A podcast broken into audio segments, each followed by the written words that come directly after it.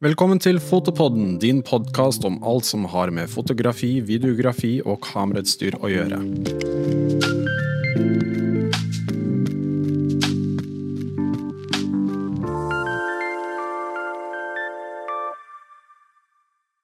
Denne episoden dere, så skal vi snakke litt om de forskjellige minnekortene du kan få til kameraet ditt, og prøve å veilede dere, slik at du finner det riktige minnekortet som passer til ditt kamera og ditt bruk. Eh, vi skal også snakke litt om harddisker og komme med litt ulike backup-løsninger som gjør at du med stor sikkerhet ikke mister bildene dine. Det er jo alltid en liten sjanse, men forhåpentligvis så eh, skal vi sørge for at det ikke skjer. Gjør det som vi sier, så er det ikke vår feil, i hvert fall. ikke sant? Ikke skyld på oss. Minnekort, Erik. Ja. Minnekort. Det, det finnes det jo en del av. Det finnes en del, og så finnes det mange varianter av hver type. Og så finnes det mange standarder innenfor hver variant. Og så i det hele tatt så er det en jungel. Det er en jungel. Det er, eh, det er, ikke oversiktlig for folk flest. Og det er eh, nesten en vitenskap, altså. Og eventuelt en kunstform. Ja. Et, et, minnekort er ikke bare et minnekort. Nei. Kommer litt an på hva du skal gjøre med det. Ja. Men uh, i veldig mange tilfeller så er det ikke det, dessverre. Jeg testet i gang å kjøpe Det er litt off topic, men uh, wish.com. Mm. Så hadde de uh, var det 128 gigabyte minnekort til uh, Du betalte bare for frakten. Ja. Så jeg bare sånn, ja, jeg kan jo teste bare for gøy å kjøpe et. Og jeg merket med en gang når jeg fikk det, at vekten ikke stemte. Oi. Det var jo ba, de hadde jo tatt ut innmaten. Ja, så, så det var bare deksel? Det var bare dekselet som ja. du kjøpte. Ja. Men det er fint sånn uh, dummy-minnekort. Sånn Hvis du er i et land for eksempel, hvor uh, de foretrekker at du ikke tar bilder av visse ting, mm. som du er litt uenig i, og sånne ting, sånn som du ofte gjør. Hæ, jeg skjønner ikke hva du snakker om. Okay. så du kan jo ha to minnekort i, i uh, kamera, mm. og så kan de si sånn Få minnekortet ditt, ja. og så tar du ut det dummy-minnekortet og gir ja. dem det. Mm. Så til sånne tilfeller så bare sånn, ja, kanskje... Ja, da, da kan det brukes. Da kan det brukes. Det har en, Men uh, ikke gå på wish.com. Det anbefales ikke. Nei, ikke for å kjøpe sånne ting i hvert fall. Nei, Er det for godt til å være sant, så er det for godt til å være sant. Ja. Men de forskjellige minnekortene som vi faktisk har, som er uh, operative og som funker, er jo da uh, SD-kort. Og så har vi CF Express, vi har XQD, vi har Cfast, og så har vi CF, altså Compact Flash. Ja. Så vi skal snakke om de ulike. Det er jo SD-kort som er det mest populære. da. SD-kort er det vanligste. Har vært lengst. Ja, CF kom kanskje før SD, men, eh, men eh, er absolutt mest utbredt på vanlige kameraer mm. i dag. Og også det mest kompliserte egentlig når det kommer til, ja. til standarder og informasjon og alt mulig sånt noe. Mm. Det er veldig rart at de ikke har klart å, å gjøre det tydeligere, men, eh, men, sånn er det. Så SD-kort, de er ja, de, de, finnes i to typer, da, egentlig. Mm, mm. SD og mikro-SD. Mikro og egentlig så er det akkurat samme kortet, men mikro-SD er mindre. Rett og slett. Ja. Uh, og det er, litt i navnet. Ja. og det er egentlig eneste forskjell. Så de er PIN-kompatible og alt mulig. Så har du mikro-SD-kort, så får du sånne små overganger som ser ut som et SD-kort som du kan putte det inn i, og så kan du bruke det som et SD-kort. Ja. Uten at det egentlig er noe elektronikk i der, eller noe oversettelse eller noe forsinkelse. eller noen ting. Men det er et ekstra sett med eh, kontakter. Så det er ikke alltid man anbefaler hvis man skal være helt sikker på at alt går helt smooth. Ja, det er, eh, jeg tror det er én gang hvor jeg prøvde det i et uh, kamera, og så var det litt treigere eller noe sånt. Det var et eller annet som ikke helt stemte. Ja. Så siden det så har jeg på en måte unngått det så ja. mye som mulig, å bruke de uh, adapterne. da. Ja, Så jeg bruker det hvis jeg skal lese et mikro-SD-kort og bare ha neste leser. Men i kamera og tilsvarende så, så bruker jeg alltid riktig størrelse uten adapter. Mm. Det er det som er minst problemer med. Færre ledd å gå igjennom, jo bedre. Ja, rett og slett. Det er egentlig det. Mm. Men det er jo eh, den største tingen som man må tenke på når man skal eh, anskaffe seg et eh, SD-kort, er jo eh, hastighetene og kapasiteten. Det er liksom de to tingene. Det er sånn Kapasiteten sier litt seg selv. Er det 32 gigabyte, så er det 32 gigabyte, og så må du gjøre en evaluering på hvor mye du faktisk trenger. Ja, Ofte så henger det sammen med hastigheten. Fordi jo høyere hastighet du trenger, jo større kort trenger du også ofte, for det fylles jo opp fortere hvis det skriver mer data.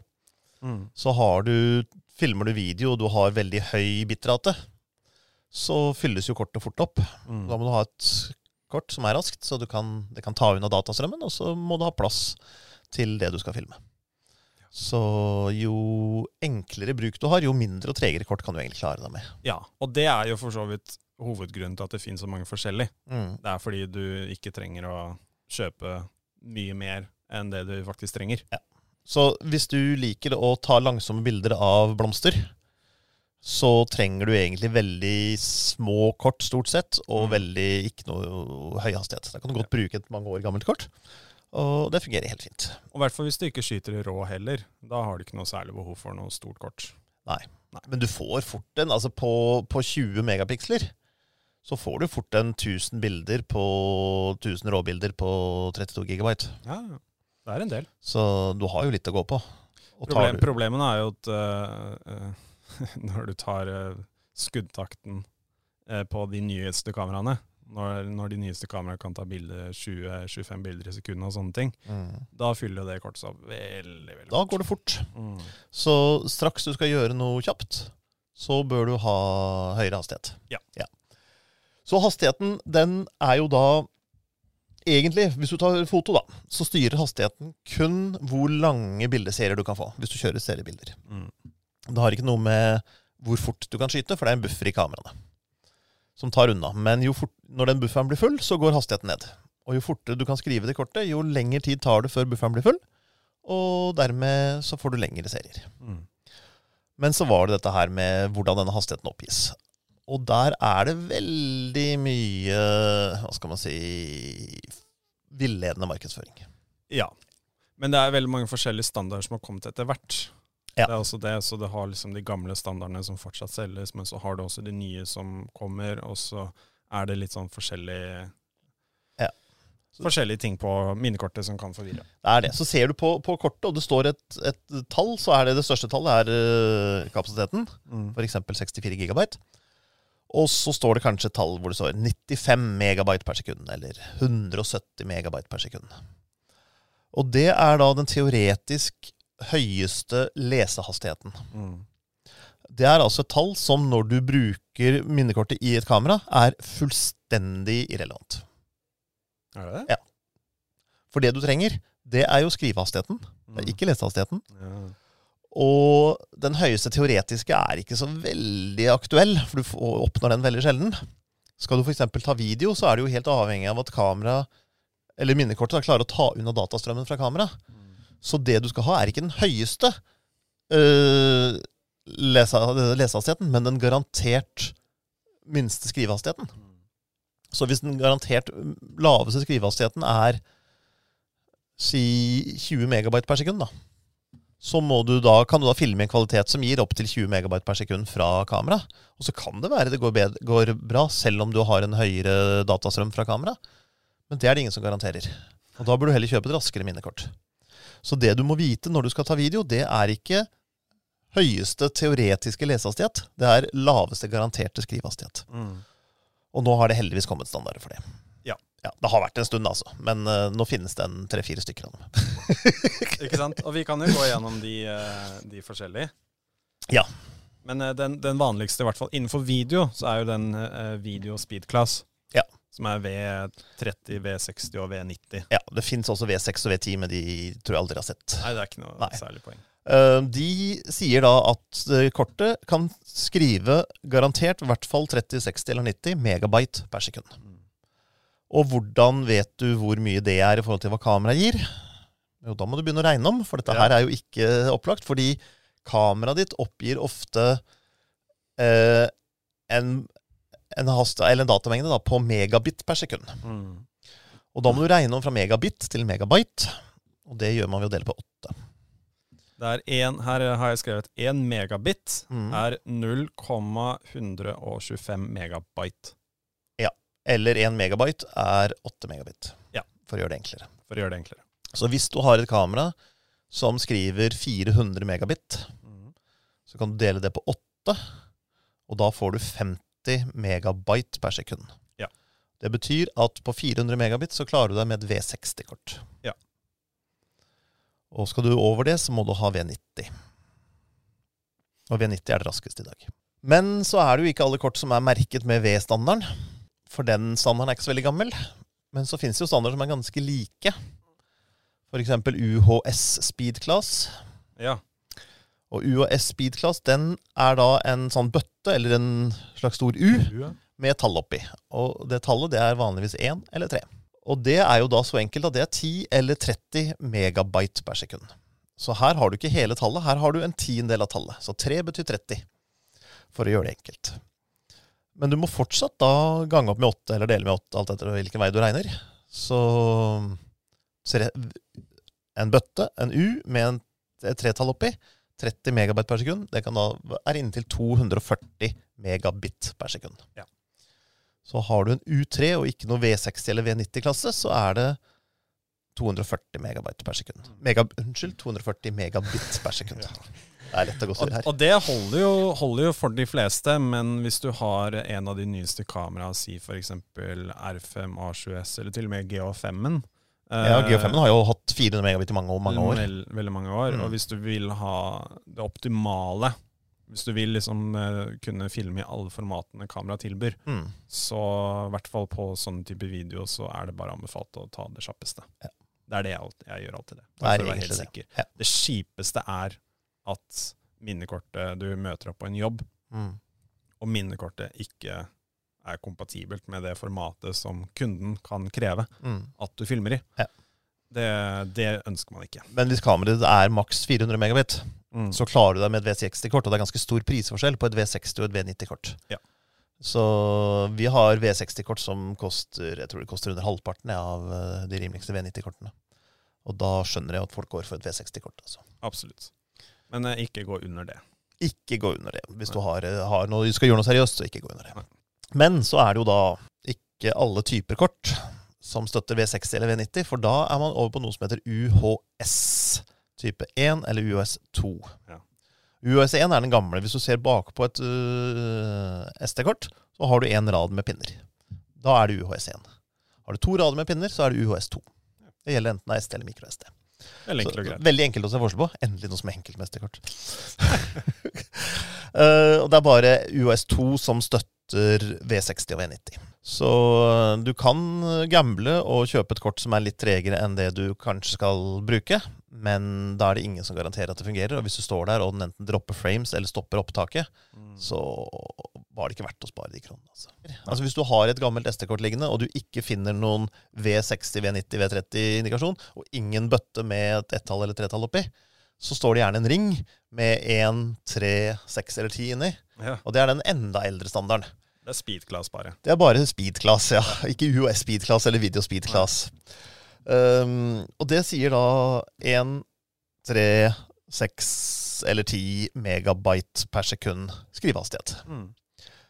Og det betyr at det raskeste kan du bruke til en del video, men jeg vil egentlig ikke anbefale det. Nei, ikke heller. Så du, har du et kamera og du skal ta bilde av langsomme blomster, så fint. Da er det bare å bruke det. Men skal du ta noe hvor Altså hvor evnen til å faktisk få gjort det du skal gjøre, avhenger av hastigheten på kortet, så vil jeg ikke bruke det. Og skal du ta sport, lange serier, bildeserier, så vil jeg heller ikke bruke det, for det fylles opp, altså bufferen fylles opp så fort. Så da er det bedre å investere i noe nytt.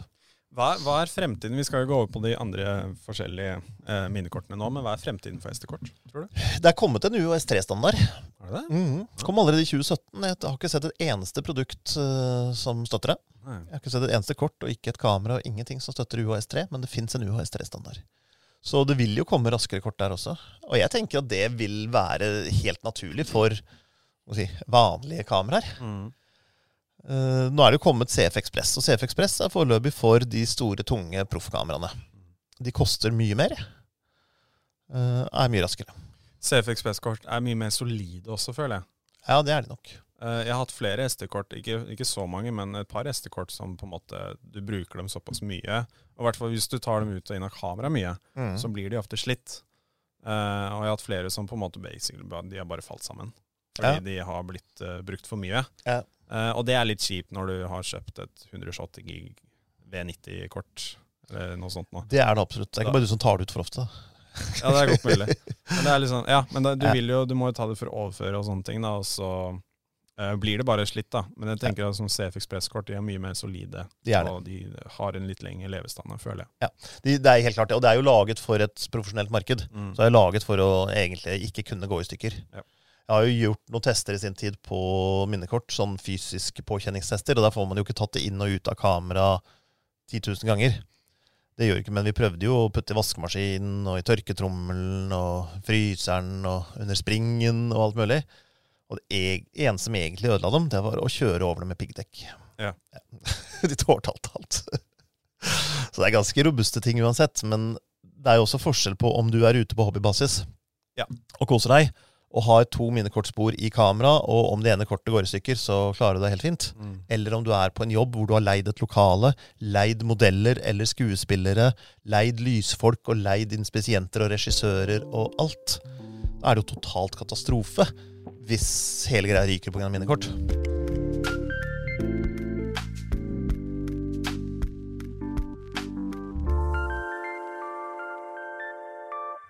En ting som jeg spurte om, eh, har spurt om før på denne podkasten, er jo hva er hindringen i at uh, kameramerker ikke putter en intern harddisk i kameraene sine? Ja, det ville jo ikke vært harddisk, for det er så Eller harddisk, det er så skjøre greier, men det kunne vært en SSD. Ja, det ja. fins kameraer med internt minne. Ja. De er ikke så veldig vanlige. Men jeg tror Leica kanskje har en modell. Og så kom jo Size med lanserte kamera som vi ikke har sett ennå, for et par år siden. Og det. har en del gigabyte innebygd. Men jeg tror det rett og slett er fordi det er mer plunder å få det ut. Det er mye lettere å ta ut et kort og putte i et uh, Ja, men igjen så snakker vi om uh, altså, at den kommunikasjonen mellom SD-kortet og, og kamera skal fungere. Ja. Og det kan være feil som kan oppstå der. Ja. Uh, og av at det er, det er mer eh, rom for slitasje fordi du må, for å overføre bildene og sånne ting, så må det minnekortet ut og inn. Mm. Men med tanke på USB-C og, og SSD-disker og sånne ting, Mm. uh, så burde det være mulig å ha internt minne på kameraene, tenker jeg. Uten at det er noe sånt skjære Ja, stort problem. Det er det. Og du kan jo få høyere hastigheter også når det er innebygd. Mm. Um, For min egen del så tok jeg en god del bilder forrige uke som jeg skal sikkert bruke en artikkel denne uka. Jeg er veldig glad jeg slipper å ta med meg kamera på jobb for å overføre bildene til PC-en. At jeg bare kunne ta med meg minnekortet. Det er sant. For eksempel. Ja. Og så har det kanskje litt med pris. Det er vanskelig å skilte med et kamera som er mye dyrere enn andres kameraer, fordi det er innebygd minne. Det blir ikke noe dyrere i lengden, for du slipper å kjøpe minnekort. Mm. Men initielt så ser det dyrere ut, Ja. og da kan det være vanskelig å få solgt. Så det kan være bare så enkel terskel som det. Altså. Jeg, ser liksom for meg at det også burde være mulig at du kan koble til en harddisk på kameraet ditt, og så overføre direkte på harddisken uten å trenge å gå gjennom en PC også. Mm. Jeg ser for meg at det burde være mulig på et eller annet tidspunkt. Ja. Uten at jeg vet hvordan sånne ting som dette funker. Mm. Men jeg bare ser for meg at en sånn type løsning burde være mulig. Det burde det. Noen burde lage en adapter, sånn SD-kort til USBC-adapter. Så Ja. du bare kan koble en USBC-harddisk inn i, og så kan du lagre rett til den. Så enkelt. Ja. Hvorfor kan man ikke bare gjøre det? For den kommer til å dette ut mens du tar bilder, og så ryker hele greia. Ja, det er kjipt. Men ja, eh, la oss gå inn på da eh, CF Ekspress-kort, da. Ja. SD-kort er vel ja, det var stort sett det. Det finnes en hastighet A1 og A2 som er for apps. Det er stort sett til mobiltelefonbruk. Mm. Så det er ikke så veldig relevant for uh, kameraer. Og ellers så er vi vel stort sett gjennom det viktigste. Ja. Men uh, det generelle tipset er å bare gå eh, Så finne ut den minimumhastigheten du trenger, og så gå litt over. Ja. Så er du sikra. Absolutt. Mm. Og samme størrelse. Altså, det kommer an på hva du skal bruke kortet til, men skal du på safari i Afrika, så kommer du til å bruke så sjukt mye mer minnekort enn det du tror. Ja. At bare kjøp med noen ekstra. Ja. Ta liksom det høyeste tallet du tror du kan få bruk for, og så doble det i hvert fall. Ja. For da, du vil ikke gå tom for plass der. Du har ikke lyst. Du vil mye heller når du kjøper en tur som likevel koster deg 30 000 kroner oppover. eh, Så så vil du heller bruke de par hundre kroner ekstra på et større minnekort. Absolutt. Men CF Ekspress, da, du? Ja, CF Ekspress er jo den nye, nye, store store standarden. Mm. De, ser akkurat ut som, eller De fleste ser akkurat ut som XQD-kort som fantes en stund, som er utgående. Eh, CF Ekspress kan ta mye høyere hastighet enn SD. Det er som vi har snakket om, bedre bygd enn SD. De finnes i tre typer. Det finnes i hvert fall i to, men det er definert tre. De har dårlig med hastighetsstandarder. Det Ja, går fort, men vi vet ikke hvor fort. Der står det bare maks hastighet. Der står det maks lesehastighet og maks skrivehastighet, og ikke noe minimum. Nei. Og det er rett og slett litt frustrerende. Og vi har jo kunder som har kjøpt kort som ser ut som de er raske nok i massevis, og så er de ikke raske nok. Fordi man går etter maks lesehastighet, og de klarer jo ikke maks lesehastighet over tid. Det er bare sånn av og til. Og så kommer de tilbake og sier ja, men det der funker jo ikke når jeg skal ta opp i 8K, eller når jeg skal gjøre sånn og sånn og sånn. Nei, ok, fint. og så må vi fikse det, da. Og det er jo dumt for kunden, og det er dyrt for oss, og det er uheldig for merket det gjelder, eh, osv. Så, videre, og så, videre. så det er jo egentlig uheldig for alle at de ikke har noen hastighetsstandarder. Ja, det håper jeg kommer. det. Det håper jeg kommer. Hva er grunnen til at de ikke har det, tror du? Det ser så fint ut med de store tallene, så de vil ikke vise noen mindre. Nei, jeg, jeg, jeg vet ærlig talt ikke. Ja, men Det er jo litt sånn, det er jo det er litt markedsføring, og på en måte du velger det største tallet som ser best ut. Mm. Det, sånn, det var jo også på noen eh, SD-kort hvor det står uh, ganger 3500 eller noen sånne ting også. Ja, du har sånn 2000X Ja, på SD-kort, og det er jo litt interessant, fordi at 2000X det er da 2000 ganger raskere enn den opprinnelige dataoverføringshastigheten på en CD-rom. ikke sant? Ja. 2000 ganger raskere, liksom. Ja, så når man hadde CD-romspillere, så ble det jo etter hvert så hadde man jo CD-romspillere som spant dobbelt så fort, så det het 2X, og så kom det 4X, og så kom det 8 og 16 og 32X og 50X. Og opprinnelig hastighet var 150 kilobyte per sekund. Ja. Så når det nå er SD-kort som er 2000X, så må du bare ta 150 kilobyte og gange med 2000, og det er jo så enkelt at alle skjønner at det er 300 megabyte med en gang.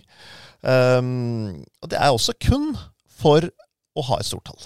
Ja. For det er jo ingen i dag som vet at en opprinnelig CD-rom spant eller eh, overførte 150 kilobyte per sekund. Og det er heller ingen som har interesse av det.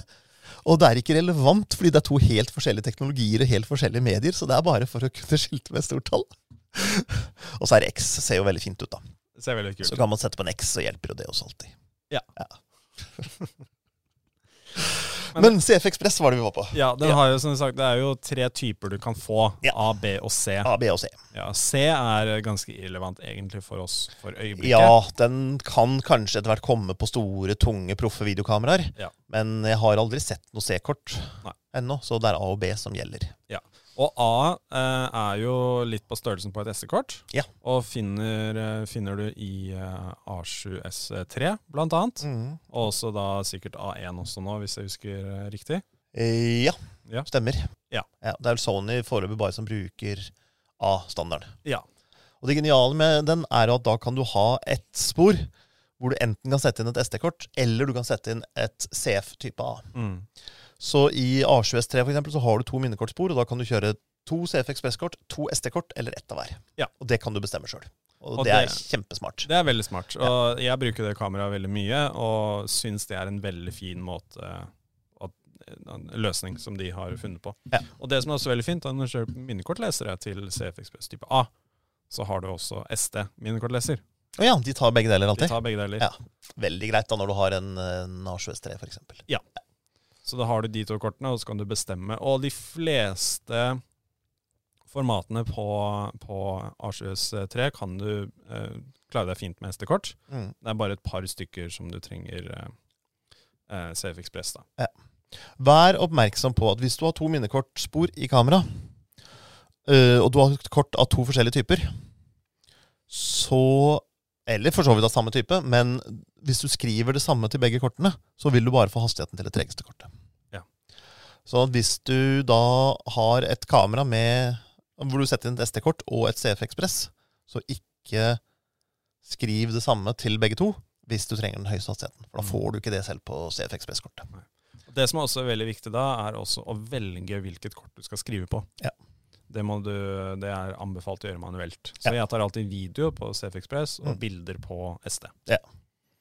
Og jeg tar gjerne på mitt kamera, så tar jeg rå på det største og raskeste. Mm. Og så tar jeg JPEG på, på det som er mindre tregere. Ja. For da går det stort sett unna greit på begge to, og så fylles de opp omtrent samtidig. Og så, ja. Ja. CF Ekspress type B Mm. er større enn A, men det har også en ekstra minnebuss. Det har to minnebusser istedenfor én, og dermed så har den i teorien dobbelt så høy, eller nesten dobbelt så høy overføringshastighet. Og det benytter Canon seg av, for de har jo disse absurde datamengdene på noen av kameraene sine. Det er sånn 2600 megabit per sekund, altså 2,6 gigabit per sekund. Og hvis du begynner å dele det på åtte, så får du altså Hvor mye altså mer er det enn CD-rom? Um, Hvor mange ganger? Kjempemange, faktisk. Masse. Masse. Supermasse. Ja. Så da har du ikke Da ville det ikke holdt med V60 eller V90. Du måtte hatt litt over V300 for å tatt unna den hastigheten. Og Derfor bruker du ikke SD-kort på det. Du bruker CF Ekspress, og du bruker de raskeste CF Ekspress. På CF Ekspress har vi sett på noen merker særlig, så er det forskjellig hastighet på forskjellige størrelser. Mm. Så de minste kortene har lavere skrivehastighet enn de største kortene. Og jeg tror det er rett og slett fordi at øh, minnekretsene ligger tettere på de store kortene. Mm. For du har ikke noe mer plass til dette minnet. Du må bare pakke det tettere sammen. Og når du har pakket det tettere sammen, så er det kjappere å få dataene inn i det. Ja, og hvis du skal filme i 8K og sånne ting, så trenger du mer kapasitet, så da er de, da er de mindre kortene uansett ikke så interessante. Nei da, men mindre kort kan i dette tilfellet være 256 gigabyte. Og hvis du av og til skal ta 8K, så er det jo greit å tenke nei, jeg trenger jo egentlig ikke 512 gigabyte. Så kjøper du et 256, og når du skal filme 8K, så funker det kanskje ikke. Ja. Og det er litt dumt, Mm. men man må være oppmerksom på det. Så Men fordi det ikke er noe garantert minimumshastigheter på disse kortene oppskrevet, hva er det man kan gjøre da? For å være sikker på at man har det Nei. Da kan du gå f.eks. på produsentenes hjemmeside, og så kan du se hvilke kort som er godkjent. Ja. Og Der står det ofte for den hastighetsstandarden, eller den opptaksmetoden, så passer disse kortene. Så har du en tabell rett og slett med, med modeller nedover og oppløsning og hastighet bortover. Og så Mm. er det krysset av. Ja. Så der kan man se det, stort sett. Men så er det jo selvfølgelig så kommer det jo nye kort hele tiden, og så er det ikke alle produsenter som har testet alle merker. Og da står du der ok, men den har ikke testa det merket. Funker det da? Antagelig.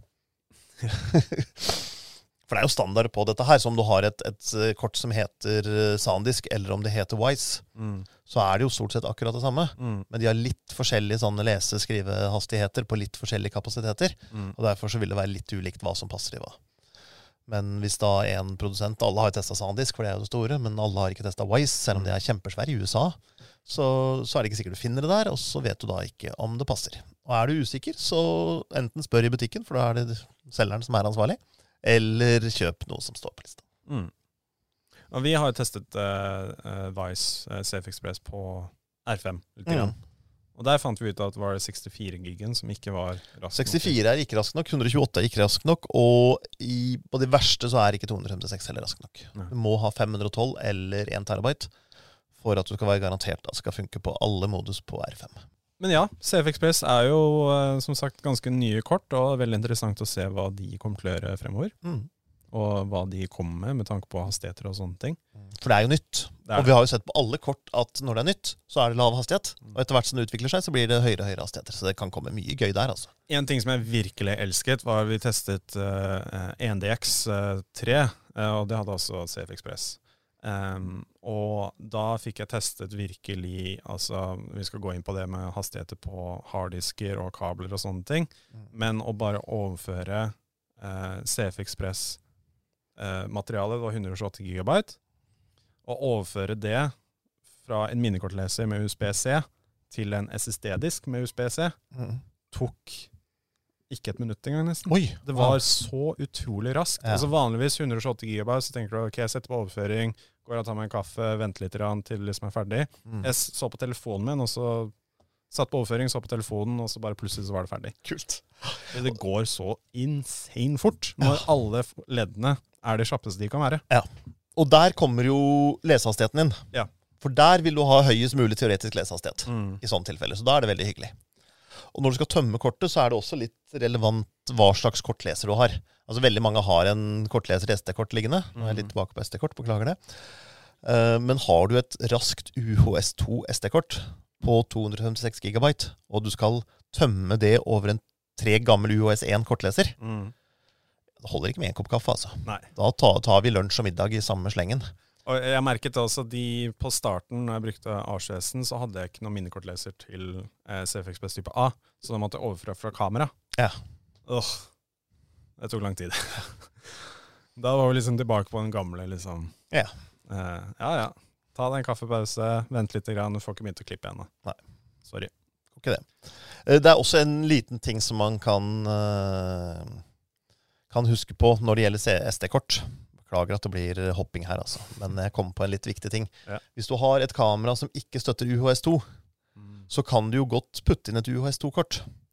Men du får jo ikke UHS2-hastigheten. Nei. Og det kan godt være at det blir tregere enn hvis du hadde brukt et UHS1-kort. Eh, fordi den mengden den tar gjennom den ene raden med, med, med kontakter som den kan bruke, er ikke nødvendigvis det kjappeste. Nei. Så hvis kameraet ditt ikke støtter UOS2, og du trenger så kjapt som mulig, ikke kjøp et UOS2-kort. Hvis du ikke må ha det kjappest mulig, kan du for så vidt kjøpe et UOS2-kort hvis du tenker på at du skal bytte kamera innen rimelig tid, for da har du allerede et som, er, er, eh, som funker også litt i framtida. Mm. Men trenger du høyest mulig hastighet, og det ikke er støtte for UOS2, kjøp et UOS1.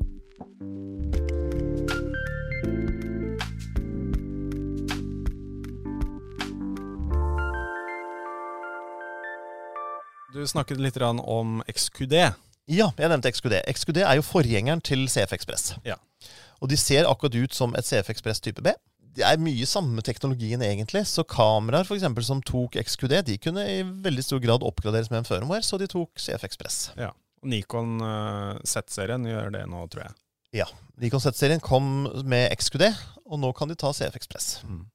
Og ikke kjøp XQD i dag hvis du kan bruke CF Ekspress. For det, det er gammelt, og det er vanskelig å få tak i kortlesere osv. Det er kjapt fortsatt, bevares. Mm. Men Det er det, var en, det er ikke framtida. Det var en sånn midlertidig standard. Nå trenger vi noe kjappere.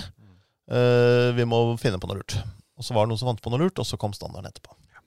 Og standarden ble da CF Ekspress.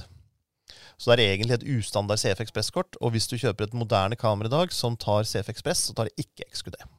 Mm. Men for, for, for eksempel da Z7 og Z6, de tar begge deler. Mm. Men vel å merke, minnekortleserne gjør nødvendigvis ikke det samme. Nei. Så hvis Så du har en SQD minnekortleser, så tar ikke den CF Express. Riktig. Eller omvendt. Eller omvendt. Nei. Så øh, må du ha XQD, så kjøp XQD. Og må du ikke ha XQD, så kjøp CF Ekspress. Ja. Rett og slett. Um, så mye mer er det kanskje ikke å si om XQD. Det er litt uh Nei, egentlig ikke. Det er jo eh, Jeg husker Det var jo kanskje litt forvirrende på starten eh, når, når CF Express kom, og du merket at CF Express-kortene passet i Nikon-kamera, f.eks. Ja. Men så funket det ikke. Nei. Og så heldigvis så kom det liksom en firm-oppdatering som gjør at det faktisk er mulig. da. Ja. Så det var bare en overgangsperiode der, egentlig, Ja. eh, som, eh, som man Ja, så XQD trenger man egentlig ikke lenger å tenke noe særlig over. Nei, med mindre du altså har et som ikke er oppgradert, eller kan oppgraderes til CF Ekspress. Ja. Og det finnes noen av de. Det finnes det. Eh, Der er det heller ingen standarder for laveste skrivehastighet osv. Så, videre. Så det er litt samme problematikken som med CF Ekspress. De har ikke lært. De har ikke lært. Hva med Cfast, da? Cfast er jo en utgående standard. Cfast var jo Har du CF også, Compact Flash, på lista di? Skal vi ta den først? Det kan vi ta først. Ja. Da tar vi den først. Eh, Compact Flash var jo, er jo veldig gammel standard. Ja. Det var jo den som den kom vel på slutten av 90-tallet. Og var i alle kameraer, kompaktkamera og speilreflekskameraer og alt som var, i mange, mange år. Og er fortsatt eh, i salg. Det er fortsatt noen kameraer som bruker det, men det er ikke lansert noen nye kameraer på noen år. Men Man 5D-serien brukte jo den. 5D Mark 4 var vel det siste kamera som brukte CF. Ja. Jeg husker de veldig godt, fordi jeg brukte 5D veldig mye, og brukte de kortene veldig mye. Ja. Eh, problemet du hadde der, var at det var så mange pigger eh, som skulle kobles til i kamera. Ja. Hvis en av de piggene bøyde seg, Mm. og det var eh, snakk om 40-50 stykker, Mm. små, små pigger Hvis en av de bøyde seg, så passa jo ikke kortet inn. Nei. Og jo mer du på en måte pressa for å få det inn, jo mer bøyde du denne piggen. Og de piggene var jo da i kamera, Ja. ikke i kortet. Nei. Så da hadde du ødelagt kamera. Da var det ikke bare å bytte kortet. Nei. Så det var, ikke, det var det svake punktet. Det Men ellers så tålte de mye juling. De var veldig lenge det raskeste som var. Uh, tida har gått litt fra dem. Rett og slett. Så da kom Cfast, som er fra samme organisasjonen som definerte Compact Flash. Og, og som var raskere. Og det brukte Cannon ganske mye. Og det var noen Arri brukte det. Black Magic bruker Black det. Magic. Mm. Ja. Cfast finnes i to standarder, Cfast type 1 og Cfast type 2. Og heldigvis så trenger vi aldri å tenke på Cfast type 1 mer. Nei. For der lå nemlig Skal vi se hvordan var det her, om jeg få dette riktig. Der lå minnehåndteringschipen ikke i kortet. Den måtte ligge i kamera eller kortleseren. Men så kom Cefas type 2, og der lå minnehåndteringa i kortet. Okay. Så det betyr at hvis du har et C-fast type 1-kort, og du setter det inn i Som ikke har da minnehåndtering, og setter det inn i en kortleser for Cefas type 2, som ikke har noen minnechip, med håndteringschip, så har du ingen chip som kan styre minnet. så, men, men jeg tror det var i 2012 den toeren kom. Ja. Så det er ingenting som brukes lenger, som bruker CFAS type 1. Så i dag er alt CFAS type 2. Ja. Så det slipper man heldigvis å tenke på. Det er bra, da. Ja. Så vi trenger ikke en mer Vi trenger ikke flere ting å tenke på her. Nei, egentlig ikke. Nei. Glem det. Men Ja. hvis du får, finner et gammelt uh, C-fast-kort, og det ikke funker, så er det antagelig derfor. Hva tror du på en måte er um, altså fremtiden generelt for eh, SD-kort, nei, for minnekort generelt? Tror du det blir SD-kort og CF Ekspress bare? Og de to blir standardene? Jeg håper jo det. Ja. Um, det var jo en periode sånn 2005-2006 hvor du hadde så mange minnekorttyper. Altså du hadde SD-kort, som Panasonic brukte. Og så hadde du CF-kort, som de fleste brukte. Alle store kameraer brukte. Og så hadde du eh, Memory Stick, som Sony brukte. Og så hadde du XQD, som Olympus og Fuji brukte. Og det var sånn Hvis du gikk tom for minnekort, så var det ikke bare å låne en av kameraten, for du kunne være helt sikker på at eh, det ikke passa.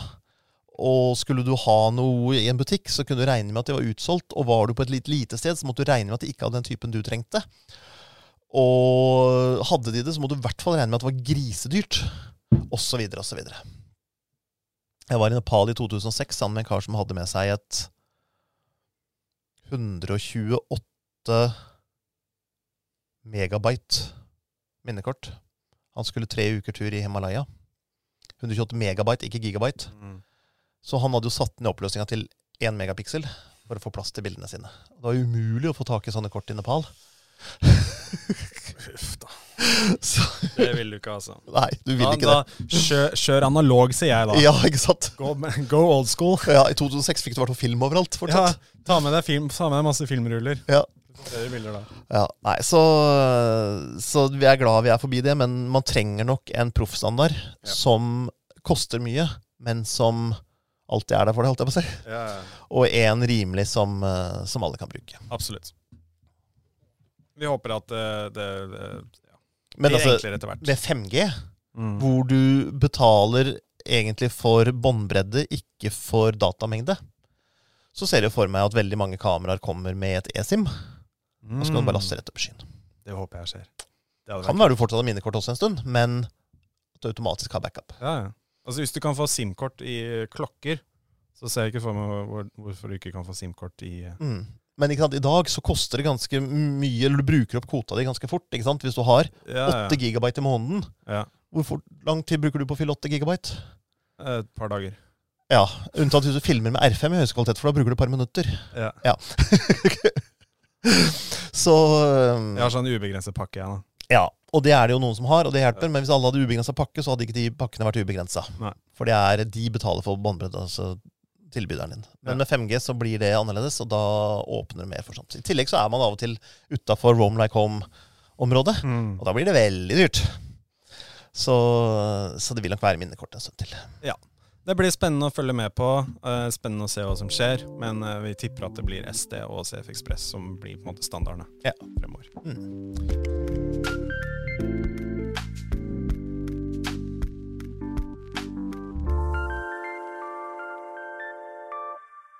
Skal vi veldig kjapt gå gjennom eh, minnekortlesere og, og harddisker? Ja. Bare litt sånn på slutten. Ja. Ta oss gjennom da minnekortlesere, da, som vi snakket litt i stad om at uh, selv om du har et veldig kjapt uh, uh, minnekort, så spiller det ikke noen rolle hvis du putter i en veldig treig minnekortleser. Nei.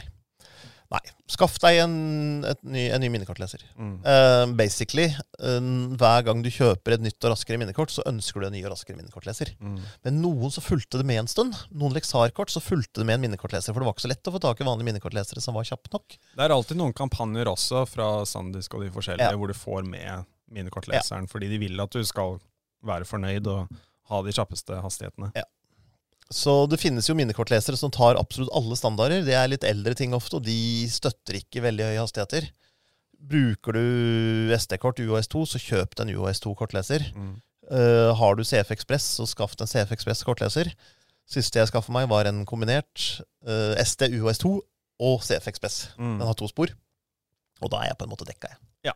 Da er du happy. Ja. Eller er kjipt hvis du mister den, da. Det var det jeg likte med de gamle Macbook Pro-ene. Mm. Den hadde en SD-kortleser inni seg. Ja. Så selv om du ikke hadde en leser, eller noen sånne ting, så var du i hvert fall eh, trygg på at du fikk bildene overført på en eller annen Ja. måte. Og det har jeg i laptopen min hjemme. Den er ikke sånn helt ny lenger. Nei. Men den er jo ikke UAS2. Setter inn 256 gigabyte UAS2-kort. Så får jeg ikke tømt det på det batteriet. altså i hvert fall. Da kommer den på strøm. Men det er jo det er en type backup-løsning, da. Ja. Hvis du ikke har en dongle eller minnekortleser, eller noen sånne ting, så har du i hvert fall mulighet, og du kan fortsatt bruke kamera. Ja. Nå kan du plugge kamera rett inn med USB-C, Mm. så det er sikkert derfor de valgte å fjerne, fjerne minikortleseren. Men det er veldig mange som vil ha den tilbake, og det ryktes litt faktisk at den muligheten kommer tilbake også. Og så er det jo vi fotofolk som bruker SD-kort. Andre bruker mikro-SD i dronene sine eller i telefonene sine. Mm. Så det er jo noen laptoper som kommer med mikro-SD-kortleser, men det er omtrent ingen nye maskiner som kommer med vanlig SD-kortleser i dag. Og jeg har, fordi jeg er veldig glemsk, mister ting og er litt sånn surrehue, så har jeg kanskje tre-fire dongles, alltid. Jeg har eh, tre-fire minnekortlesere til hvert Jeg har i hvert fall et min, en minnekortleser til hvert eneste kort, Mm. som jeg vanligvis bruker.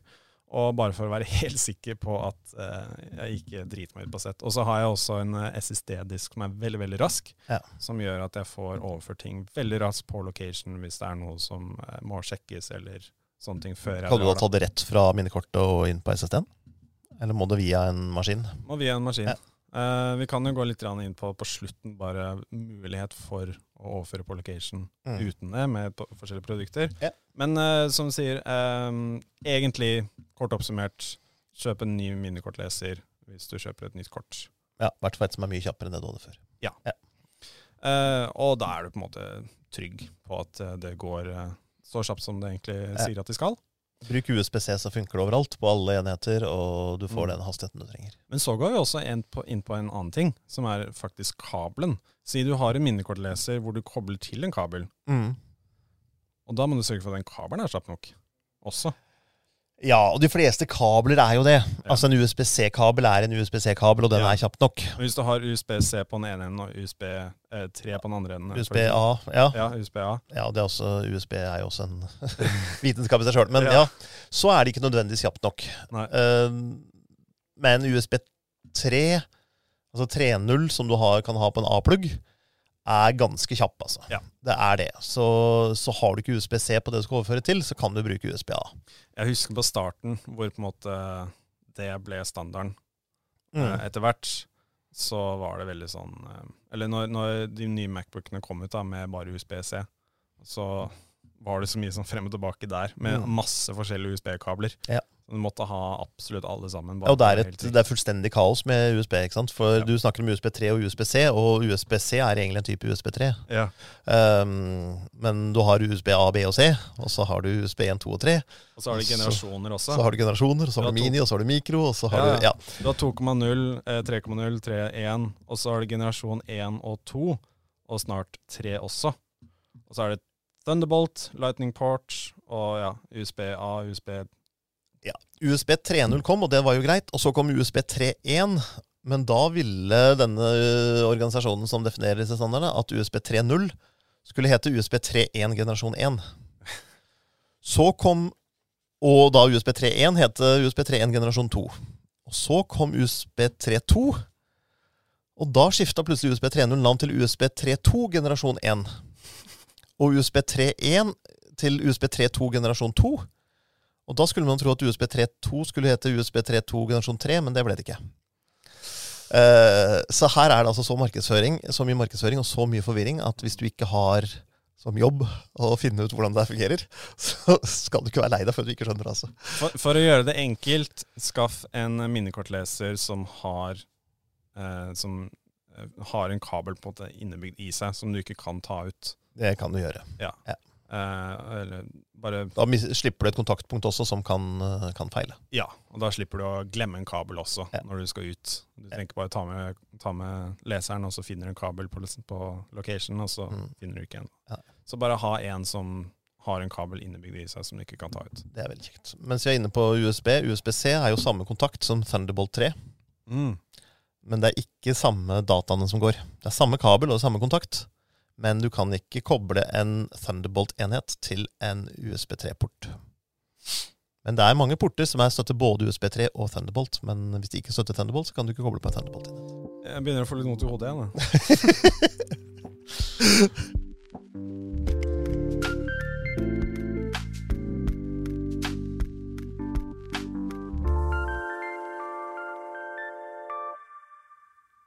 det var, eh, det var kabler. Ja. Men eh, så er jo da neste punktet. Altså Nå har vi kommet til at du har eh, tatt bilder. Du skal ta overføre på en Du har et veldig kjapt kort. Du har en veldig kjapt kortleser. Og du har en veldig kjapp port på PC-en din, som også er viktig. Det er også en ting å tenke på. Mm. Men så skal du overføre på en harddisk. Mm. En, en ekstern harddisk, f.eks. Som er veldig treig. Ja. Og da går det jo treigt Da går det tregt. Ja. Det, er, det går ikke raskere enn det tregeste leddet her. Nei. Så du har jo forskjellige eh, harddisker også. Ja. Og harddisker, på samme måte som minnekort og USB-standarder, så øker hastighetene med tida. Så har du en gammel disk, så er den tregere enn hvis du har en ny disk. Og har du en harddisk, så er den tregere enn en SSD. Så det beste er en SSD, men det er dyre per gigabyte. Det er dyre. Så du skal ha det som offline backup, eller, eller bare sånn lagring, Mm. så er det veldig dyrt. Skal du sitte og jobbe med det, og særlig hvis du skal redigere video, så er det nesten essensielt at det er en Ja. SSD. Og jeg bruker det nå som en arbeidsharddisk Mm. som jeg redigerer på. Ja. En eh, 500, jeg tror det er en terabyte SSD. Mm. eh, som ja, var det dyreste laget, men når du begynner å jobbe på den, så er det en helt annen verden Ja. enn å jobbe på en uh, tregere harddisk. Ja. Men jeg har jo da selvfølgelig, som du sier, en litt tregere harddisk med mer kapasitet, som ikke koster så mye, som en backup-løsning. Ja. Så det er sånn jeg opererer på, på de forskjellige jobbene jeg gjør, da. Og selvfølgelig når du redigerer video, særlig hvis du redigerer video i høy i, uh, kvalitet, så, så krever det veldig mye hastighet. Men jeg lekte meg litt nå med um, Fujifilm GFX 100S, og den gir jo råfiler på 200 megabyte. Ja. Og det er veldig fint med litt kjapp SSD til det også, altså. Det det. For du vil ikke ha en sånn uh, trådløs nettverk-disk et eller annet sted stående, og så bruker du fire minutter for å laste over et bilde. Nei. Du Har ikke lyst til det. Det er ikke så gøy. Og når du skal begynne å jobbe og redigere og sånne ting, så vil du at eh, liksom programmet skal reagere like kjapt som du klarer å styre Ja, det. ja. Og da er det veldig, veldig frustrerende og veldig, veldig ja, Det går mye treigere da, Ja. når, eh, når den ikke klarer å respondere. I Lightroom så kan du jo jobbe med thumbnails, og i mange videoredigeringsprogrammer så kan du operere med, med proxyer. Ja. Men uh, Men så kommer det også på eksporteringstid. ikke sant? Du har liksom mange av de forskjellige tingene Ja. som bare tar mye lengre tid. Og hvis du regner på det, liksom hvor mye lengre tid du bruker på sånn type arbeid i løpet av et år, da, for eksempel, hvis du jobber profesjonelt, Mm. Ja. så koster det deg mer enn å kjøpe en, eh, en dyr harddisk. hvis du kunne fakturert den tida i stedet, så er det veldig mye billigere å kjøpe det aller kjappeste utstyret. Rett og slett.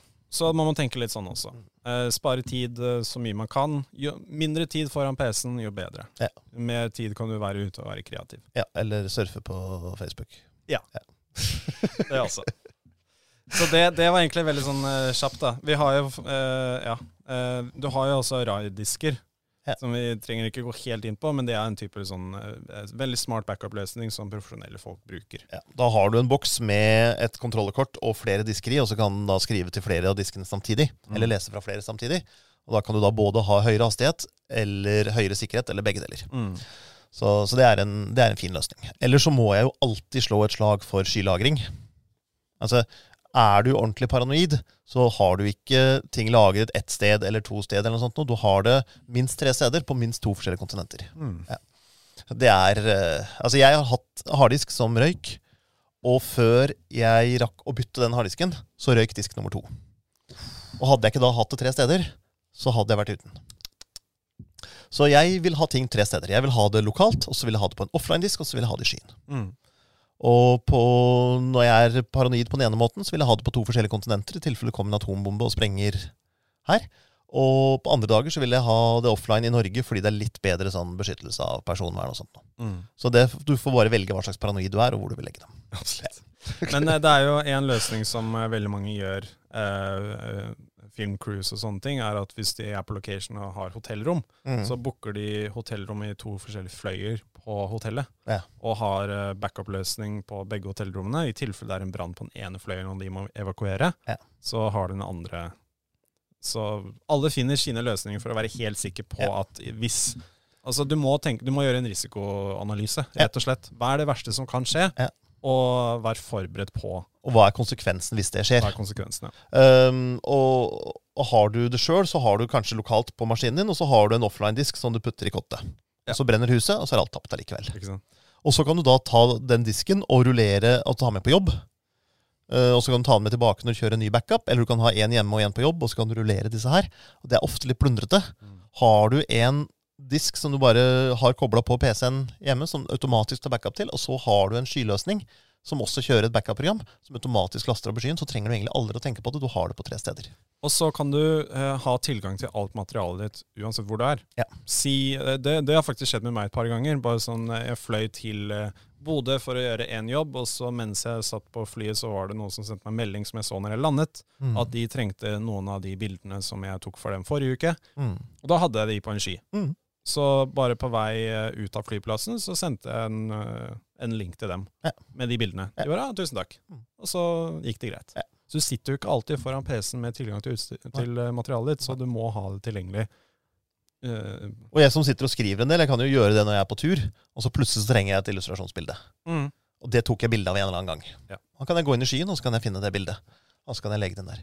Jeg gjør det samme med alt jeg skriver også, alle dokumenter og sånne ting har jeg oppe i sky. Ja. Så da lagrer det seg kontinuerlig hele tiden. Og eh, jeg begynte med det etter at eh, PC-en min på en eller annen måte eh, bare ødela et dokument som jeg hadde skrevet, brukt en uke på å skrive. Det var en søknad.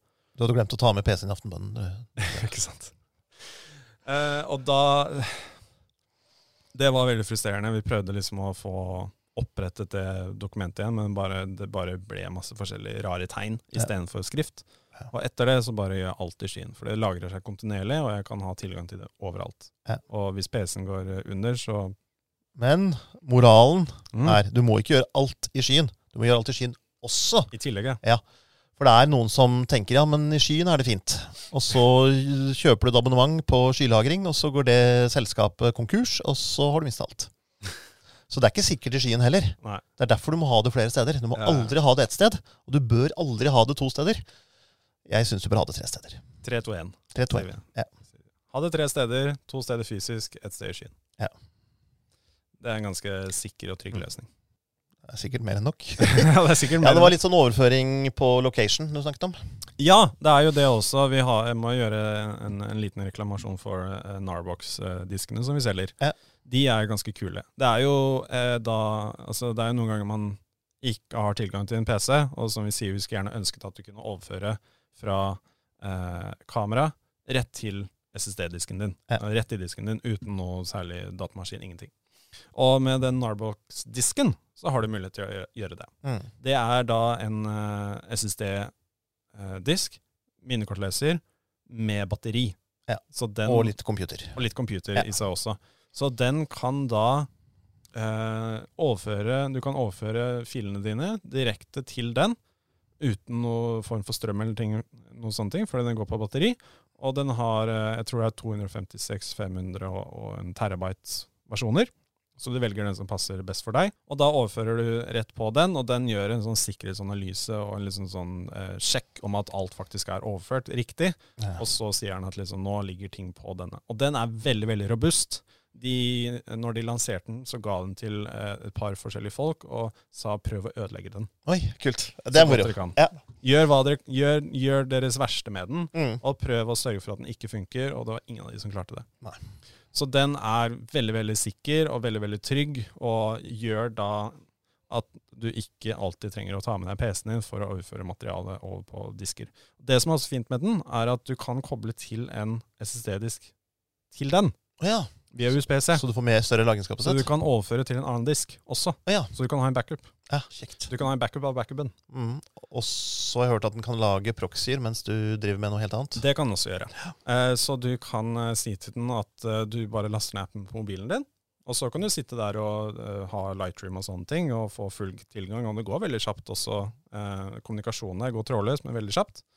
Men du kan også generere proxy-filer, som gjør at du kan eh, si du eh, filmer i Bodø, og så overfører du i Bodø, og så setter du på at den skal generere proxy-filer, så kan du gjøre, gjøre den det på flyet på vei hjem. Mm. Og så kommer du hjem i studio, og så kan du bare begynne med å jobbe med proxy-filene. Det er veldig kjekt. Det er, det er, jo flere kameraer, nye kameraer nå som også genererer proxy-filer mens du filmer. Ja. Det er en løsning jeg bruker, som er veldig veldig genialt. Mm. Hvis du ikke har mulighet til det, eller du glemmer det f.eks., mm. så sparer du veldig mange timer eh, med å bare gjøre det på den måten. da, mm. Ved å bruke Narboxen. Mm. Da kan den bare ligge i bagen og gjøre det. Ja, ja. den ligger bare og jobber. Mm. Kjekt. Men dette er jo et profesjonelt verktøy. Og det er kanskje ikke alle lytterne våre som er helt der. Og Da finnes det jo også andre ting. Eh, DJI har jo en sånn sammen med I samarbeid med en harddiskprodusent. Mm. Så har de en sånn co-pilot-sak med ja. SD-kortleser i harddisken. Mm. Så du har en batteridrevet harddisk som Den er vel også wifi, tror jeg. jeg tror det. Og så kan du putte inn minnekortet og overføre direkte. Mm. Så da har du backup til minnekortene dine. Ja. Ellers så er det jo mange kameraer i dag som har to minnekort. Og da kan du kjøre backup mens du fotograferer, ja. så lenge du er på tur. Og så kan du ta en ordentlig backup når du kommer hjem. Mm. Da må du jo ha med deg dobbelt så mange minnekort, men igjen, det er ikke så forferdelig dyrt med SD-kort for tida. Altså, det er ikke det. Det er ikke det. Men uh, det er som sagt bare sånn uh, Gjør en liten sånn risikoanalyse. Ja. Tenk ut hva er den beste løsningen for deg. Mm. Hva er det som får deg til å faktisk uh, gjøre backups? Fordi hvis det blir tungvint, så mm. har du en tendens til å glemme det, eller du gidder ikke å bruke tid på det, eller noen sånne ting. bare finne ut den mest effektive og beste løsningen for deg, og så gjør det sånn at du ikke mister bildene dine. Ja. Tenk på hva er det verdt for deg at du ikke mister det. Ja. For det du skal være helt sikker på er at Hvis du ikke gjør noen ting for å unngå å miste det, så kommer du til å miste det. Jeg gjør alltid det f.eks. hvis jeg er ute på en jobb og vi skal fly et eller annet sted, mm. Og vi er ferdig på location, så tar jeg alltid minnekortene og putter i lomma når vi skal fly hjem igjen. Ja. Fordi hvis du må evakuere, mm. så får du ikke tatt med deg kamera. Nei. Da har jeg i hvert fall materiale. Ja. Jeg pleier, når jeg har vært på tur og jeg har tatt de to minnekort, så putter jeg det ene i innsjekkingsbagasjen og ene i håndbagasjen. Ja, Hvis det er den ene, så har jeg den andre. Ja. Smart, Erik. Veldig bra. Eh, og selvfølgelig, hvis dere trenger noe råd, hvis dere har noen spørsmål, så er det bare å skrive under kommentarfeltet eller besøke oss i butikken eh, nede på Barcode, så hjelper vi dere selvfølgelig. Eh, og så hvis det ikke er noe mer, så takker vi for oss. Yes. Takk for oss. Takk yes. til dere. Takk til, for Ses vi i neste episode. Yes. Ha det bra.